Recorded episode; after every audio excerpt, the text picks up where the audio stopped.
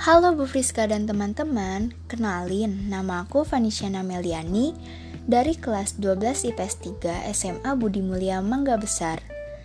Jadi, pada kesempatan kali ini, aku mau bahas tentang krisis Kuba dan aku juga bakal kasih tahu nih ke kalian, apa sih krisis Kuba itu? Kapan coba terjadinya? Terus, gimana sih prosesnya? Dan apa aja ya dampak-dampaknya? Oke, aku bakal jelasin satu-satu ya teman-teman. Jadi, krisis Kuba atau krisis rudal Kuba ini ada hubungannya loh sama Perang Dingin. Krisis rudal Kuba adalah sebuah krisis yang terjadi sekitar tahun 1962, tepatnya tanggal 14 sampai 28 Oktober 1962 yang terjadi karena akibat dari Perang Dingin antara Amerika Serikat dan Uni Soviet. Krisis ini terjadi setelah terungkapnya fakta bahwa Amerika Serikat telah melakukan sebuah penyerangan ke Teluk Babi milik Kuba yang merupakan sebuah negara komunis di Laut Karibia. Kenapa sih Amerika Serikat menyerang Kuba? Karena Amerika Serikat itu tidak senang dengan pemerintahan Kuba yang komunis di bawah pimpinan Fidel Castro.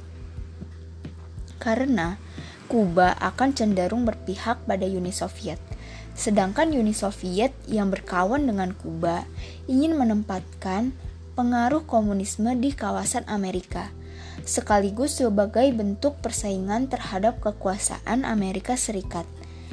Nah, Serangan yang dilakukan ini gagal, tapi hal ini telah menimbulkan kemarahan Uni Soviet sebagai pemimpin komunis dunia maupun rakyat Kuba sendiri.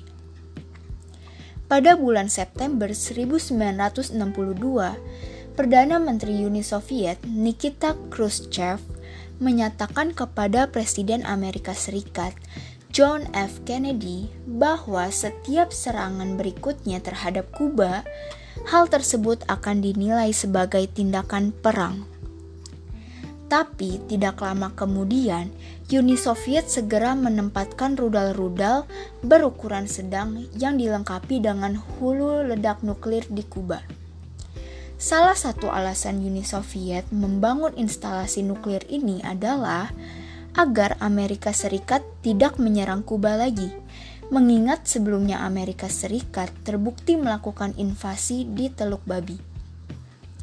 Instalasi nuklir tersebut hanya berjarak 90 mil dari wilayah Amerika Serikat, yang jelas mengancam kawasan pantai timur Amerika Serikat sewaktu-waktu dan kemampuan merusaknya yang ditimbulkan nuklir tersebut dapat menghancurkan sebuah kota besar dalam waktu singkat setelah diluncurkan.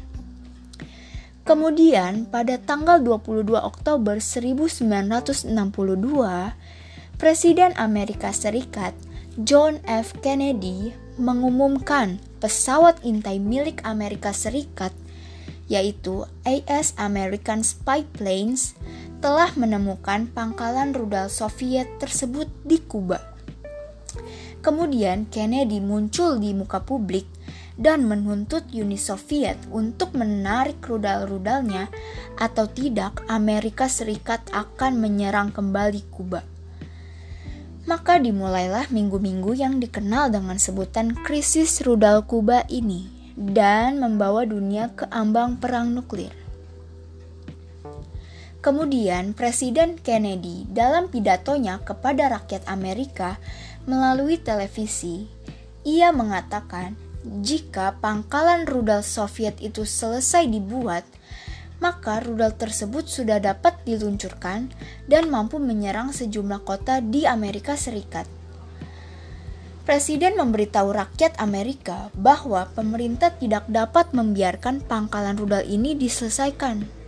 Amerika Serikat akan melakukan tindakan apa pun yang diperlukan termasuk tindakan militer demi melindungi bangsanya. Negosiasi di antara dua musuh bebuyutan ini antara Amerika Serikat dan Uni Soviet terjadi dengan tidak mudah karena kedua belah pihak merasa siap untuk berperang dan sama-sama tidak mau mengurangi tuntutannya.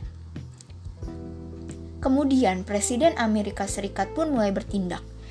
Ia mengatakan tahap pertama yang akan dilakukan adalah menempatkan karantina angkatan laut di perairan sekitar Kuba. Jadi kapal-kapal perang Amerika ini mengepung Kuba untuk memaksakan sebuah karantina terhadap semua pelayaran milik Kuba. Ditambah pesawat-pesawat pengebom mencari posisi di Florida dan bersiaga menghadapi serangan udara.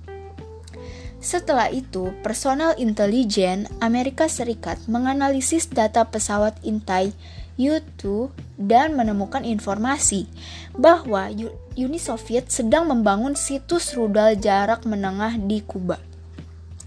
Amerika Serikat pun semakin panik setelah mengetahui hal itu. Maka keesokan harinya, Presiden Kennedy diam-diam mengadakan pertemuan darurat dengan penasihat senior militer, politik, dan diplomatiknya untuk membahas perkembangan yang tidak menyenangkan ini.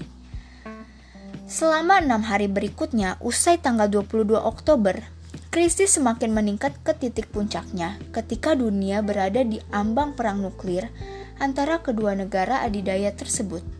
Akhirnya Amerika menyadari bahwa pembangunan peluncur rudal ini akan terus berlanjut. Dan Amerika memutuskan bahwa invasi skala penuh ke Kuba harus dilaksanakan untuk menghentikan penyelesaian pangkalan rudal tersebut. Khrushchev, Perdana Menteri Uni Soviet pun mengetahui hal ini dan untungnya pada tanggal 28 Oktober 1962, Khrushchev mengirimkan proposal bahwa semua pangkalan rudal di Kuba akan dibongkar dengan imbalan Amerika Serikat tidak menginvasi Kuba dan membongkar pangkalan rudal Amerika di Turki. Dengan kata lain, Amerika Serikat berjanji tidak akan menguasai Kuba dan melucuti rudal-rudalnya di Turki. Sedangkan Uni Soviet akan menarik seluruh instalasi nuklirnya di Kuba. Penyelesaian krisis ini membuat lega warga dunia karena jika berlanjut dalam perang fisik, maka kehancuran dunia dapat lebih parah dari Perang Dunia Kedua. Walau konflik berhasil diselesaikan, namun konsekuensi krisis rudal tersebut sudah tercipta. Hubungan antara Uni Soviet dan Amerika Serikat juga masih belum membaik usai keputusan penyingkiran rudal di Kuba tersebut. Namun, banyak pihak yang memandang bahwa krisis ini memiliki efek positif karena membuktikan bahwa dengan kepala dingin dari dua sosok pemimpin, maka konflik tersebut dapat dihindari. Kurang dari satu tahun setelah krisis tersebut berakhir, Amerika Serikat dan Uni Soviet pun menandatangani kesepakatan uji coba nuklir di atas tanah. Kemudian pada tahun 1968, kedua negara menandatangani perjanjian non-proliferasi yang merupakan kesepakatan untuk mengurangi jumlah negara yang memiliki senjata nuklir. Nah, dari kisah ini, dampak yang terjadi apabila krisis rudal Kuba ini terjadi dalam skala besar yaitu yang pertama, peradaban manusia akan musnah terutama di Eropa, Amerika Utara, dan Amerika Selatan. Yang kedua, dua per tiga daratan dunia tidak dapat ditinggali karena polusi radioaktif. Yang ketiga, dunia akan mengalami musim dingin nuklir. Terjadinya kelaparan karena bahan makanan sulit untuk bertumbuh dan binatang pun menghilang. Yang keempat, akan banyak penduduk dunia yang terlahir dengan keadaan cacat karena kurang gizi dan terpapar radiasi nuklir. Yang kelima, manusia yang tersisa belum tentu dapat bertahan hidup lama.